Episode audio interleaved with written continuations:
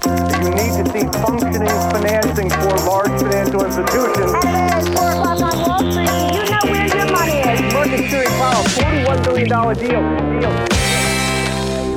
SPAC-fenomenet har blivit glödhett i finansvärlden den senaste tiden och nu har trenden kommit till Sverige. I veckan fick vi veta att investmentbolaget Bure avser notera den första SPACen under namnet ACQ. För er som tittade på Uppesittarkväll så vet ni att Nasdaqs noteringschef Adam Kostial bjöd på breaking news när han sa att vi skulle få se första SPACen i Sverige innan slutet på mars. Det fick vi också och det här vill vi såklart veta mer om. Med i podden idag har jag investmentbolaget Bure listat på large cap, har ett börsvärde på strax över 21 miljarder kronor, 33 514 avansianer i ägarleden och med mig i studion för att berätta mer om den första spacken nu som har kommit till Sverige, mer om den här satsningen i Bures regi har jag VD Henrik Blomqvist och bolagets ordförande Patrik Tigersköld. Varmt välkomna till podden, riktigt kul att ha er här. Tack så mycket. Kul att vara här. Riktigt kul att ha det här. Det här är ju var i veckan lite breaking news. Den här trenden har vi sett runt om i världen. Vi har inte fått den till Sverige än. Vi visste att det var på väg. Nu är den här, det kommer vi prata mer om, men dessförinnan så vill jag att ni berättar lite mer om er själva om vi börjar med dig Henrik. Ja, Henrik heter jag. Jag har varit VD i sju år på Bure men jobbat i verksamheten sedan 1999. Det har hetat då under den tiden både Scanditech och Scandigen när vi började. Jag är nyss fyllda 50 år, tyvärr. Ja, då får vi säga stort grattis i efterskott då helt enkelt.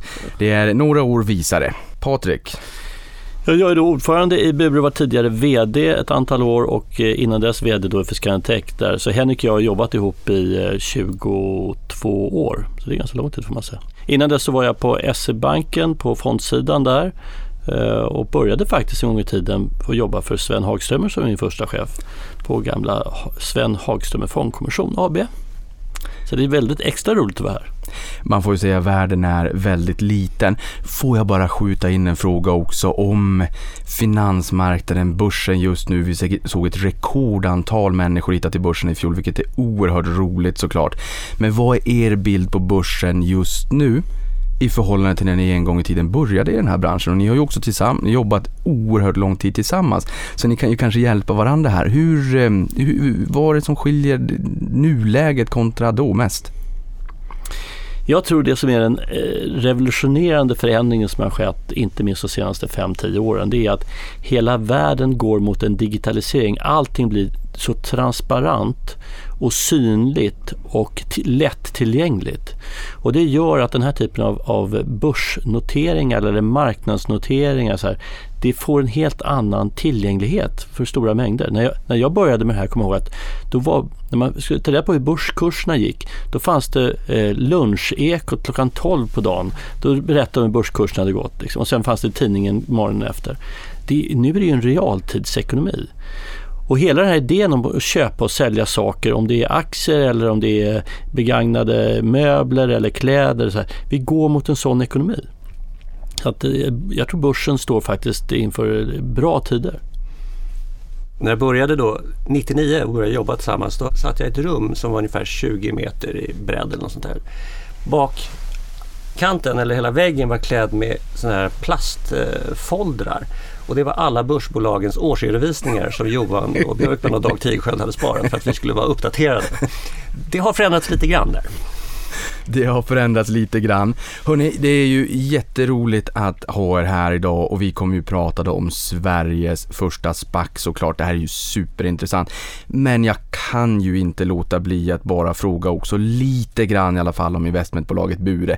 För man kan ju säga att ni har ju ganska mycket finger med i spelet i, i den här SPACen då. Även om det inte är just Bure vi ska prata om isolerat idag. Men lite grann, vilka är Bure för de som inte känner till bolaget? Ja, Bure är idag eh, ett investmentbolag. Då. Vi har mm, sju eller åtta stycken personer i vårt investeringsteam. Eh, vi har under året ömsat skinn lite grann kan man säga. Men de sista åren så, så är det fokus på 11 och idag då sen vi har då förvärvat Algon 12 stycken portföljbolag som vi driver och eh, är delägare i. Och egentligen skulle jag säga att vi är i grunden bolagsbyggare vi tycker det är vansinnigt kul att utveckla verksamheter tillsammans med management och övriga ägare. Och då har vi försökt att hitta något koncept för det där och vi kallar det för att vara en bra ägare. Och det är väl en erfarenhetsbaserad då, eh, vad ska man säga, ägarfilosofi som är i, i grunden till det vi håller på med. Vi sitter i styrelserna i egentligen alla bolag vi jobbar med och försöker utveckla dem och, och ta vara på de möjligheter som finns i verksamheterna. Ja, jag tänker mig det är det som är så intressant när ni också har jobbat så länge tillsammans ni två att det blir ju onekligen så, en köttfärssås är ju bättre dagen efter. Jag kan tänka mig det är mycket synergier över Inga åren andra här. jämförelser. Nej, ja, mm. Men hörni, i veckan så fick jag pushnotisen i telefonen, spacken. Eh, Min kollegas vän, han, han eh, messade mig direkt också. Har du sett? Jag sa, jag har sett! Och det här, och såg jag fram emot den här intervjun. Ni måste berätta nu. Nu kommer det här fenomenet till Sverige. Hur känns det? Ja, Det är rätt spännande tycker jag. Det har men det är länge. jätteroligt. Det är jätteroligt. Det är det verkligen. Men man ska komma ihåg att vi har ju valt att göra den här spacken så här, från, utifrån vad vi tycker att vi kan tillföra och sätta upp någonting som är relevant för oss och de investerare som går in och gör det här med oss. Så att jag menar, det, det här är ju inte... De, de som vill se en exakt en amerikansk spack i Sverige, de blir ju besvikna för det här är någonting annat.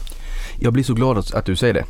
Därför att det är oerhört bubbligt. Eh, det är bubbligt, det är high-flying, flygande, elektrifierade helikoptrar och det är kändisar och det, det är eh, eh, rapplåtar på YouTube och sådär. Och att ni säger att ni kommer göra det här på ett annat sätt. Vi kommer prata mer om det här i avsnittet också. Det, det, det gör mig glad att vi har gjort det här på vårat sätt och ni kommer få berätta lite mer om vad som faktiskt skiljer det här gentemot de amerikanska eh, varianterna som finns där ute. Men hur länge har ni funderat på det här? Hur, hur länge har ni liksom, hur länge har ni hållit på att planera det här och, och hur viktigt var det liksom för er att känna att det här måste, nu måste vi komma ut med det här för vi vill ändå kanske någonstans också vara först. Mm. Absolut. Nej men eh, vi har faktiskt funderat ett tag på det här. Man kan säga att eh, startskottet var nog faktiskt, får man faktiskt säga att det var jag som drog igång det. Det var nämligen så att jag läste en artikel i Financial Times i augusti i fjol som handlade om en av de kändaste amerikanska investerarna, Bill Ackman, som då gjorde en SPAC. Och han gjorde den på ett annat sätt än de vanliga amerikanska spackarna genom att han själv investerade pengar i den som sponsor. Normalt sett så får ju sponsorerna sin andel gratis men så var det inte för honom. Och då kände jag så här, det här kanske man skulle kunna använda för det som vi vill göra, det vill säga investera tillsammans med andra institutionella ägare. Och då började vi skissa på det här och då kom vi först fram till att det finns inget regelverk i Sverige. För, för det fanns inget regelverk för spackar på Nasdaq. Så då tog vi faktiskt kontakt med börsen som redan själva hade börjat planera för ett regelverk ska jag säga då. Så att då hade vi en diskussion med dem om hur det här skulle kunna se ut och sen så kan man säga att vi verkligen satte spaden i backen i, i december i fjol när vi började leta styrelseledamöter och, eh, och eh, ja, valde en styrelse och började ta det här till nästa nivå. Så att, eh, tre månader lite drygt. Och, och för de som inte kanske riktigt är uppsjungna på det här SPA- SPAC då, eller Special Purpose Acquisition Company. Hur, hur skulle ni förklara, vad riktigt är det här för någonting? Det finns olika benämningar. Eh, SvD kallar det för ett skalbolag, men det är det inte. Men det är ett skal med innehållande kapital. Och det här kommer då, kapitalet kommer att börsnoteras i det här ACQ som vi kallar det för. Och det är viktigt att säga att 90% av pengarna kommer vara låsta i, i, i ett, på ett konto som ingen kommer åt. Men hela ändamålet är att försöka hitta ett möjligt förvärv. Och det har vi 36 månader på oss att försöka hitta. Och det här förvärvet, det är ju det som vi tycker är spännande såklart. Att, att på sikt kunna bli långsiktig huvudägare i det bolaget som eh, ACQ kommer att förvärva. Eh, jag blir liksom nyfiken också. Och, eh, Patrik, du läste den här artikeln i Financial Times, det var Bill Ackman förra året, men vad i slutändan var det som fick er att besluta för att ja, men, vi vill ändå notera en SPAC? Var det liksom att det kändes lockande att det här var något nytt och att ni kan vara den här långa partnern i någonting nytt och annorlunda? Eller vad var det som fick er att slutligen känna att jo, det här ska vi göra? Nej, men det var faktiskt så att Bure gjorde en nyemission förra sommaren. Där vi, det är väldigt ovanligt att ett investmentbolag gör en nyemission för investmentbolag har ju ofta substansrabatt och då är det väldigt svårt att göra en nyemission. Men då hade vi precis, börskursen var precis som substansen. Då gjorde vi en nyemission på en miljard. Jag kan säga att vi blev, för vi såg ett antal intressanta affärsmöjligheter efter det här covid-eländet då som, som ju satte ner börsen ordentligt då förra våren. När vi t- gjorde den där emissionen, då träffade vi ett antal investerare. Och då blev det väldigt tydligt för oss att det fanns ett väldigt stort intresse från dem att vara med och investera tillsammans med Bure enligt Bures affärsmodell. Så att när vi, när vi var, var, eh, intresset var mycket större så att säga än, än, än, den emission vi gjorde. Och då låg det och gnagde hos mig där efteråt att, men vänta nu här, kan vi inte hitta någon annan form för att eh, investera tillsammans med de här institutionella investerarna där vi kan liksom göra jobbet och de stoppar in pengarna. Och då blev det här ett väldigt bra sätt att göra det på. Så det var liksom verkligen eh, lite grann en lyckträff att eh, ja, men man skulle kunna göra spacken så att det faktiskt passar de här ändamålen. Så det, det var bakgrunden. Och ni sa ju här att Nasdaq, när ni hörde av er eh, till dem, så hade de redan planer på det här också. De hade också börjat gräva i det här och fundera kring hur, hur kan vi göra det här i Sverige? Och det är ju klart, vi ska också komma ihåg att Nasdaq som en av två börser, då Nasdaq och Nyse i USA, de har ju Investor då som näst största ägare, så de är ju verksamma där också såklart. De ser ju eh, i allra högsta grad vad som händer i USA. De är ju verksamma i USA. Eh, men vad är fördelarna med en SPAC då skulle ni säga i förhållande till en traditionell börsintroduktion? För nu såg vi väl i fjol, rätta om jag har fel, men jag tror att SPACarna gick precis över eh, mittgränsen så att säga, att det var mer SPAC-introduktioner än traditionella dito i, i USA. Så det är en enorm trend som har växt explosionsartat 2020 och fortsätter 2021. Men skillnaden SPAC kontra traditionell börsintroduktion? Jag tror man får, får, får, det är lite olika förutsättningar i USA och i Sverige ska man komma ihåg. Sverige har ju faktiskt en fantastiskt livaktig eh, marknad för små och medelstora företag.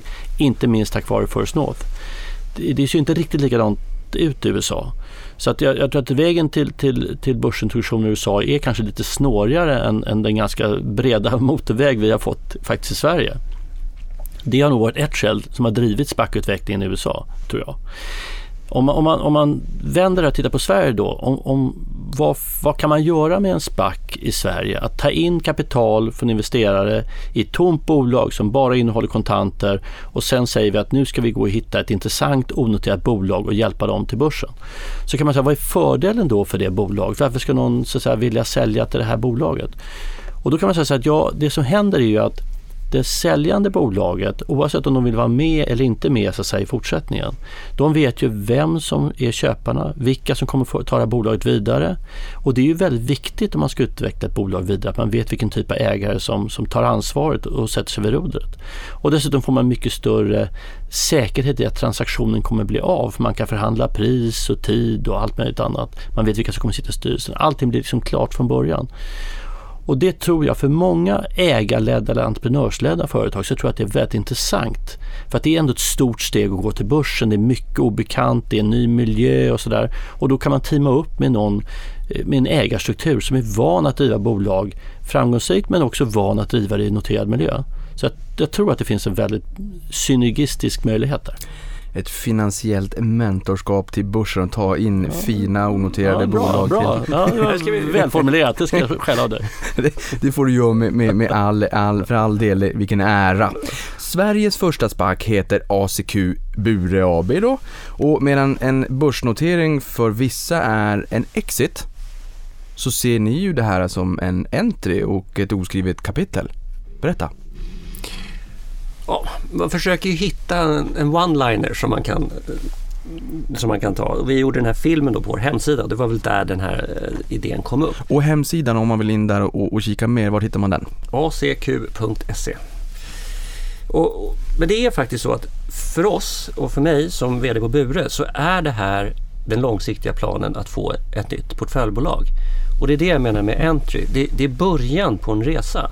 Och den här början, den sker nu Absolut med, med att sätta spacken på börsen men det är när man hittar förvärvet som den riktiga tillväxtresan börjar. Och det är det där vi stimuleras av och tycker är väldigt kul.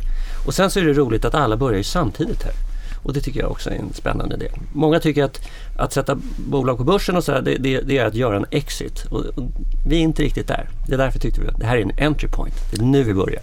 Väldigt spännande och det är klart nu eh, har ni precis förvärvat då Algon, nu kommer ACQ, jag ska inte gå händelserna i förväg, jag ber om ursäkt för den här frågan men jag kan inte hålla mig.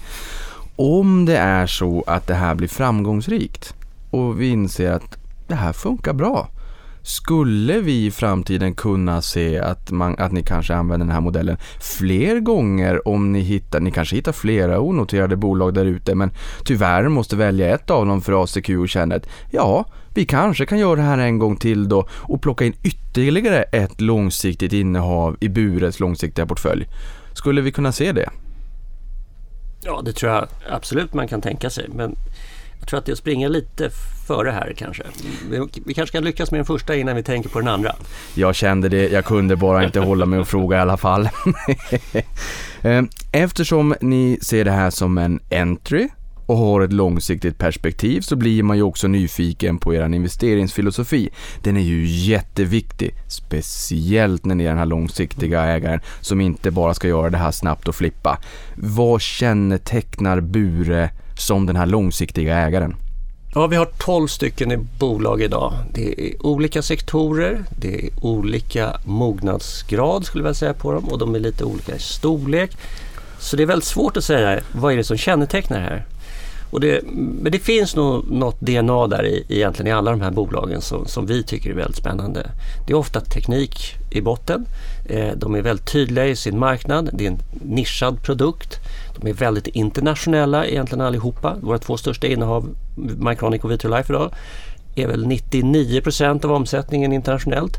Eh, så det, det är väl så vi ser det. Vi kommer titta runt omkring med, det, med de glasögon vi har på Bure idag och försöka liksom skala upp det lite och se till större verksamheter. För idag kan inte Bure göra riktigt så stora investeringar som, som 3,5 miljard kommer att vara i, i ACQ.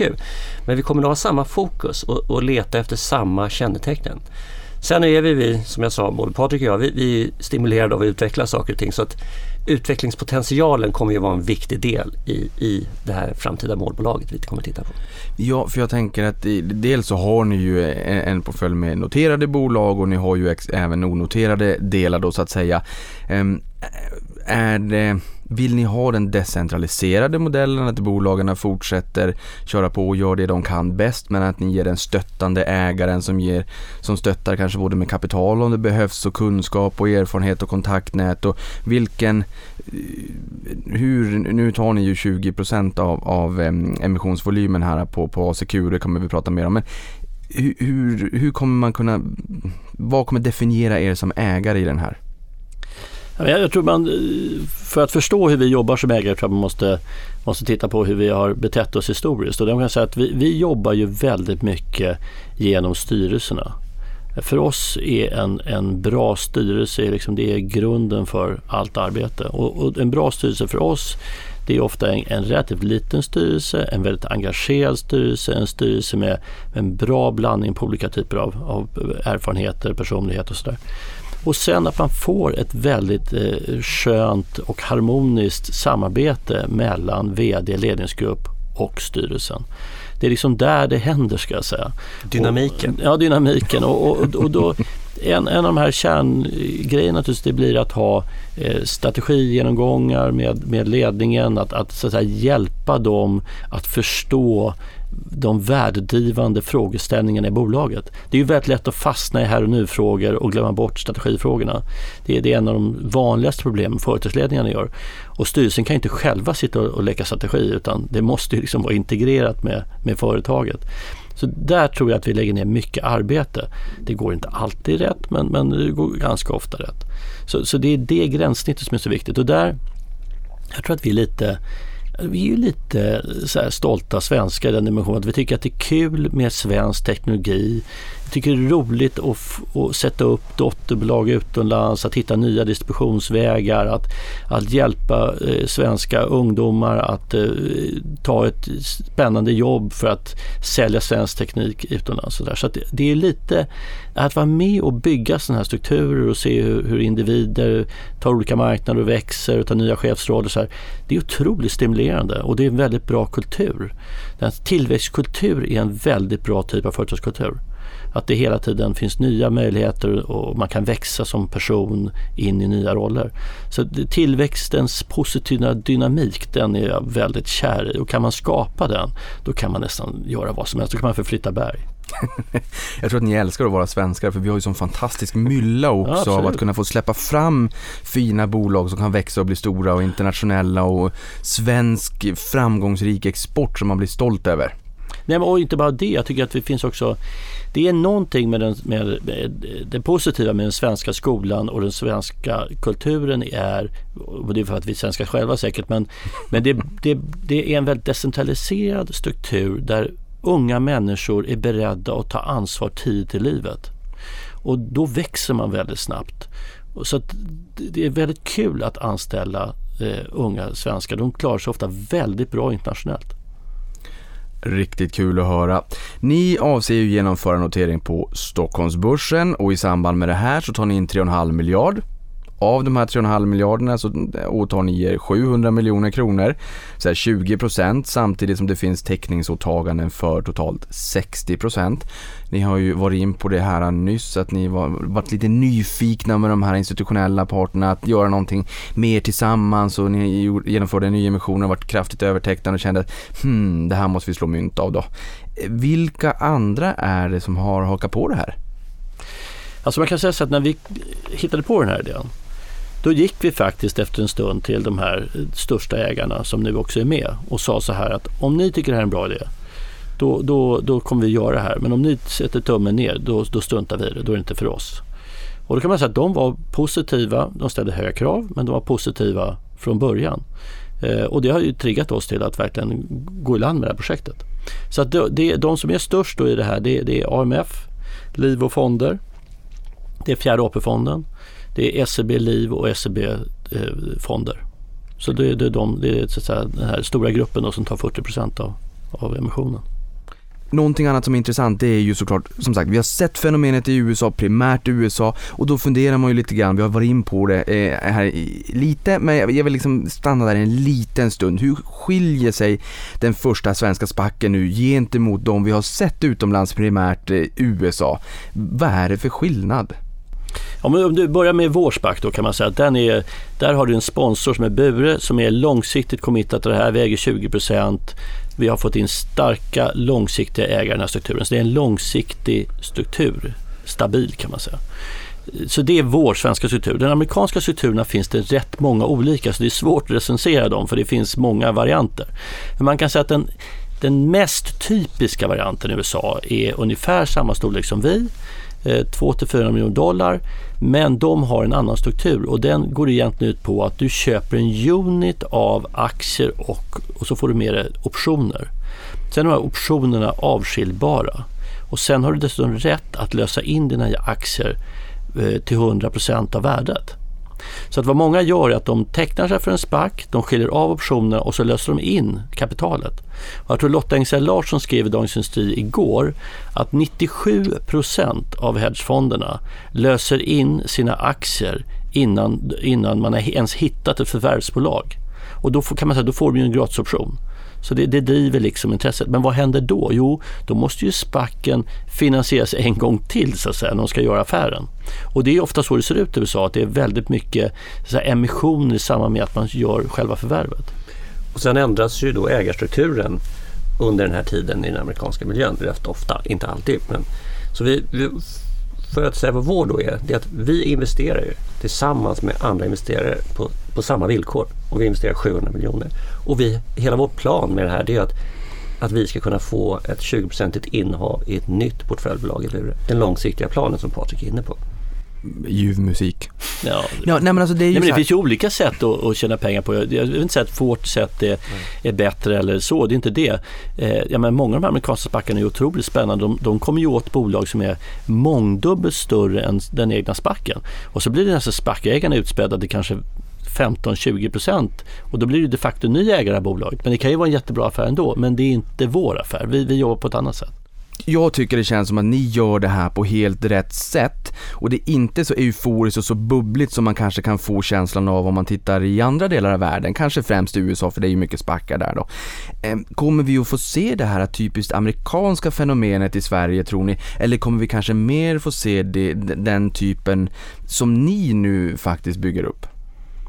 Det är en svår fråga om du bara skulle titta på antalet spackar som är gjorda i världen så skulle man säga att, att vår, vår sticker ut som någon udda fågel. Så det naturligaste skulle vara att det amerikanska fenomenet eh, i amerikansk förpackning kommer till, även till Sverige. Och det tror jag det gör. Jag tror du kommer få se ett par spackar ganska snart i Sverige som har en liknande amerikanska mer än, än våran. Men det återstår ju att se. Det känns som att du vet mer än vad du säger där när du säger Nej. att vi snart kommer få se lite Nej, fler. men jag, bara, jag läser, lyssnar på Adam Kostial precis som du gör och Adam säger att det ska vara fem stycken spackar innan midsommar så att då är det ju fyra kvar då. Men, men i och med att ni då är en udda fågel, Ja. ha, ha- har det liksom rönt intresse? Ja, det, förmodligen så förstår jag att det har gjort det då såklart, men, men i Sverige eller internationellt att man approcherar och är lite nyfikna på varför ni har valt den här lite mera udda varianten. Jo det, det finns massa intresse. Och man kan väl säga att många tycker att vår eh, då, variant är komplicerad och udda. För att den vanliga är den här andra varianten. Och vi har ju precis, tänkt tvärtom internt. Och, det här visar väl på att man kanske inifrån och ut inte alltid kanske är den, den bästa varianten att tänka. För att vi tycker att den här är väldigt enkel och straightforward. Men det kommer komma olika varianter. Allt ser inte likadant ut. Men, men, men för oss passade det här. Och för den här investeringsklubben om man kan säga det. Så de här ägarna då som vi ska göra det här tillsammans med. Och, och vi är ju så här långsiktiga och tycker det är kul att jobba tillsammans med andra. Det är så vi har utvecklat våra bolag. Och det finns olika ägare och olika tillslag. Och, och det här funkar för oss. Jag, jag tror inte att det här... Man ska nog inte slå sig för axeln och tycka att vi har förändrat världen, för det har vi verkligen inte gjort. Alla resor börjar med ett första steg. Heter den här ACQ Bure AB eller heter den ACQ? ACQ Bure AB. Är det liksom det juridiska eller mer Ja, det ni... ja. Firman. Men ni kallar det för ACQ. Ja. Vad betyder namnet? Det är en förkortning av acquisition på engelska såklart. Nej, jag anade det. Min manliga intuition sa mig det. Mm. Och sen kan man skoja då lite om att det är också en lite för, eh, koppling till Ackman. Men det får man inte säga direkt. Det är ingen som hör det här. Okej. Mm. ACQ avser ju att förvärva ett onoterat, hållbart, nordiskt kvalitetsbolag. Nordiskt? Jaha, då kanske det inte bara är svenskt. Eller svenskt med, med nordisk verksamhet. Med bolagsvärde motsvarande 3-7 miljarder kronor. Kan ni berätta mer vilken typ av verksamhet ni kanske är mest intresserade av? Har ni någonting i åtanke? Kan bolagsvärdet bli högre? Alltså kan man använda någon form av belåning också här i? Eller är det 3-7 miljarder som det här bolaget kommer vara värt? Ehm, och kommer det enkom att vara ett svenskt bolag eller kan det vara ett nordiskt? Många frågor igen. Det nordiska fokuset, om vi börjar i den ändan, kommer nog ifrån att att det är alltså, avstånd geografiskt. Eh, om man sitter i styrelsen och, och ska vara engagerad som vi då tycker att vi är, då, då blir det lite mer eh, komplicerat om det är långt ifrån helt enkelt. Eh, och sen tror jag att svenska huvudkontor eh, och nordiska huvudkontor, det funkar liksom, det, det är en väldigt bra modell. Vi, vi förstår modellen gemensamt och sådär. Men, men all affärsverksamhet behöver inte vara nordisk utan som jag sa tidigare, det är väldigt mycket internationella affärer som vi jobbar med. Utan det är huvudkontoren vi tittar på. Storleken, eh, ja... Jag skulle säga så här, vi försöker väl skala upp storleken från Bures perspektiv. Det är därför vi har då hamnat på 3,5 miljard. Eh, Bure har ju vuxit ganska kraftigt under de sista 5-6 åren och har idag en totala tillgångar på ungefär 18-19 miljarder och få avkastning på de pengarna så behöver våra nya investeringar bli större i värde. För varje avkastningsprocent blir mer i pengar rent matematiskt. Och därför eh, så, så har vi hamnat på 3,5 miljard. För då, då om vi får ett innehav som då är mellan 3,5 upp till kanske 5 eller 6 eller vad det ska vara. Då, då blir det liksom, då, då påverkar det Bures totala substans. Och det, det väl har varit en ambition från mitt perspektiv i alla fall. Sen om man kan belåna, det, kanske, det beror lite på verksamheten man köper naturligtvis. Eh, och sen så är det väl så att eh, det är väl inte helt otänkbart att det finns entreprenörer eller familjer eller någon som säljer att kanske vilja vara med och så här, rulla vidare som det heter så fint på lingot. Men rulla vidare, för det, det, är klart att det finns ju många möjligheter för eh, eh successioner, arvsskiften. Skulle det vara så att, och, och nu förstår jag att ni kan, ja, jag man frågar i alla fall, man kan ju bara få ett nej kommer det vara intressant kanske att titta på ett, ett generationsskifte eh, eh, och att ni liksom fortsätter där som en långsiktig ägare och att man vet vad Bure står för. Eller vill ni gärna kanske hitta ett bolag där ni ändå kan få behålla nyckelpersoner i det här bolaget under lite längre tid så att de inte liksom tänker att de ska göra sorti? Ja, men jag tror egentligen ett generationsskifte är ett perfekt tillfälle att, så att, säga, att ta vid och, och skapa en ny, bra, trygg hamn för ett bolag och ta det vidare. Och där de som då säljer i generationsskifte känner sig att det var kul att det här bolaget nu får nya möjligheter och kan ta nästa steg. Så det, det, det känns som en väldigt bra modell. Men jag kan också tänka mig ett, ett generationsskifte där man kanske vill göra det här partiellt, alltså delvis. Där man känner att nej, men, vi kanske inte orkar riktigt som familj ta det här stora steget, det stora ansvaret. Det är många anställda, det är stora investeringar och sådär. Vi behöver teama upp med några. Och det här verkar vara ett bra gäng att teama upp med. Och så får vi liksom lite, likviditet i våra aktier. Vi kan delvis sälja, vi kan delvis vara med. Det, det är så vi tänker och hoppas att vi ska hitta så, tror- och så din andra fråga där om storleken. Jag, jag tror att vi, vi är relativt agnostiska där i den i storleksfrågan. För att jag, menar, jag kan tänka mig att man kan ju möjligen göra nyemission om det är så att det bolaget är större än, än det kapital vi har. Och man kan tänka sig som Henrik var inne på att de, de tar en andel, då blir också affären större, alltså att de blir ägare. Det som är viktigt här bara tror jag är att vi har ju committat oss till att ändå på något sätt driva det här bolaget och ta huvudägarskapet på något sätt i det här bolaget. Så att, att, att vi är eh, störst eller ja, en väldigt betydande ägare här, det är viktigt. Det har ju vi lovat att vi ska göra. Så att vi kan ju inte bli utspädda hur mycket som helst. Nej, och väldigt, väldigt roligt också att ni kan hitta det här bolaget och bli en, en, en långsiktig ägare som kan hjälpa dem, kanske på en internationaliseringsresa. Absolut, det vore ju Jag tror drömmen. också den noterade miljön har någonting att erbjuda som är intressant. För att jag menar, mycket av våran, vi har ju varit noterade i 25 år på Bure och, och många av våra innehav är noterade. Det skapar en transparens och en förtydligande av hur strukturen ser ut. Det är liksom ingen, man kan inte... Det är Och ingen, kravställande Ja, som är väldigt det är viktigt. inget hemlig, hemlighetsmakeri utan det här är vad det är liksom. Och det är väldigt tydligt och transparent och den modellen gillar vi. Alltså. Men, men- men det är ingen speciell liksom, mm, alltså någon, form av bransch eller typ av verksamhet som ni är extra intresserade av utan är ni lite, ska man säga, opportunistiska eh, och, känner att men, vi räknar på allting och tittar om vi hittar någonting som är intressant och då kan det ju vara kan vara någon form av eh, verkstad eller det kan vara något teknikorienterat eller det kan vara någonting helt annat. Nej, men jag tror att eh, kännetecknen för våra bolag, som Henrik var inne på tidigare, det är ju att det finns en viss teknikhöjd i dem. Om, om, det kan ju vara verkstad med hög teknik men det kan ju också vara medicinteknik. Det kan ju vara så att säga, produkter som är så här, helt mjukvarubaserade. Så det, det finns ju en, hel, en väldig bredd i det där. Ehm, så att jag, jag tror att teknikhöjd och tillväxtmöjligheter det, det, så, det tror jag är två ledord för oss. Men när ni då har identifierat ett, spä- ett spännande förvärvscase och hittar det här, det här känns spännande, räknar på det, ni tittar på varandra eh, och känner att mm, det, här kan vara, det här kan vara det. Jag tror att vi kommer slå till. Berätta processen, hur går det till från ax till limpa? Hur kommer det gå till? Ja, eh, jag kommer då vara VD i ACQ och ställa hela Bures investeringsorganisation till förfogande för att hitta detta målbolag. Så det kommer vara vårt uppdrag eh, på Bure att, att ta fram det här, hitta det, göra då, eh, utreda och identifiera och due diligence och allt vad det heter. Och sen då om vi känner att det här är, det här är väldigt, väldigt spännande. Då, då kommer att jag presentera det för styrelsen i ACQ. Och styrelsen i ACQ är idag två stycken från Bure och tre stycken oberoende. Och den styrelsen kan man se som en investeringskommitté. Så om styrelsen där tycker att det här är spännande också, då kommer den välja att kalla till bolagsstämma. Och på bolagsstämman då så presenterar man förvärvsmöjligheten och, och alla aktieägare får tycka till. Eh, säga ja eller nej helt enkelt. Och det är ett majoritetsbeslut som gäller vid den tidpunkten. Och efter det så, går, så fattar då aktieägarna tycker att det här är bra, så fattar man beslut och så säger man då går man vidare. Och då inleds en ny noteringsprocess och det kan vara värt att notera. Eh, och då det, målbolaget, det förvärvade bolaget, ska då gå igenom en process hos Nasdaq med en börsrevisor som kommer då säga huruvida det här är möjligt att börsnotera eller inte. Och, och planen är att få då det nya bolaget noterat på Main Market i Stockholm. Be, berätta om villkoren här också. Men ni sa att ni har 36 månader på er att identifiera ett förvärv.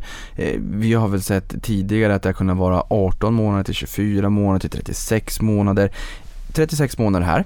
Ehm, vad, vad är viktigt att känna till, alltså villkoren kring det här? Det som jag tycker är viktigt att förstå här, som Henrik också var inne på tidigare, det är att, att utav den här likviden då på 3,5 miljarder så går 90% in på ett spärrat konto, i det här fallet SE-banken. Eh, och de pengarna kan, man in, kan inte vi förfoga över förrän bolagsstämman har fattat ett beslut om ett förvärv. Det förvärvet får inte heller vara för litet. Utan det, det måste vara 80 procent av de 90 procenten. Så det måste vara ett ganska stort förvärv. Och varför är det så? Jo, för att eh, regelmakaren Nasdaq vill inte att man ska ha det så att vi gör ett miniförvärv och därmed bryter den här 36 månadersperioden. För det är ju så att har vi inte gjort ett förvärv inom 36 månader då ska ju pengarna tillbaka. Men det får inte bli så att vi gör ett miniförvärv och så kan vi liksom sitta och tjuvhålla på de här pengarna hur länge som helst. Så, så, så, det är viktigt. Så det måste bli en stor affär så att säga, under de här perioderna annars går pengarna tillbaka. Okej, då kommer ni ha en stämma när ni har identifierat ett eh, förvärv, ett bolag som ni är nyfikna på, ni kallar till stämma. Eh, om jag får önska så kan det kan vara lite senare på dagen så att de som jobbar inne komma också. om det är så att det ska vara fysiskt, nu lär det ju knappast vara fysiskt, i alla fall inte i närtid, men om 36 månader, om det tar så lång tid, så hoppas jag verkligen att vi kan ses i, i verkligheten. Ni vet ju att vi har en stämmoturism i Sverige och det är väldigt trevligt. Mm.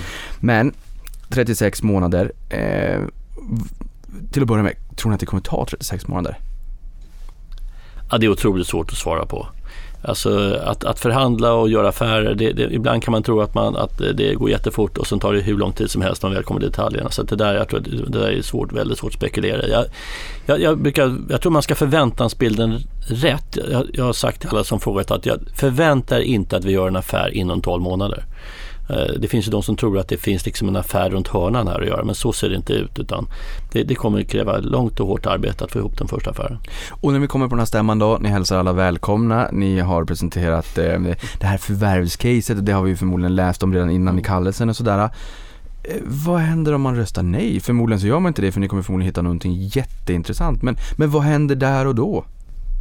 Ja, om man röstar nej så har man möjligheten att få sina aktier inlösta. Eh, till det nominella värdet då som, som finns kvar, alltså de kontanterna som finns i systemet vid den tidpunkten. Upp till 10% av totala antalet aktier. Vi har, vi har valt det därför vi känner det ungefär som ett minoritetsskydd. I praktiken är det ju så att om vi lägger fram ett förslag till stämman då kommer vi att ha vad man kallar för speciallingot. Vi har wallcrossat de stora aktieägarna. Vi kommer ju vilja testa med de andra stora aktieägarna om de tycker det här kan vara en vettig affär. För att om inte vi vet att vi får 50% på stämman då kommer inte den här säljaren av bolaget vilja, de vill inte bli publikt så att säga chikanerade och att vi inte fick igenom ett beslut på en stämma. Så att vi kommer i praktiken veta det. Då kan det ju vara någon aktieägare som känner att den här affären tror inte jag på. Jag röstar nej och jag vill ha ut mina pengar. Och då kan man få det. Det blir mer som ett minoritetsskydd. För de småspararna som lyssnar på det här eh, och har sett hur eh, SPAC spackar handlats i USA det är klart att om vi säger att det här är en kvotvärden liksom 10 dollar per, per aktie. Men eh, den kan ju handlas, den handlas ju på börsen. Absolut. Den här handlas ju fram till, säg 36 månader då. Vi hade Churchill Capital 4 som gick upp 600% på en och en halv månad när man, man, man, man det ryktades med Lucid Motors, den här premium eh, tillverkarna av elbilar som skulle upp, upp och kampa mot mm. etablerade aktörer.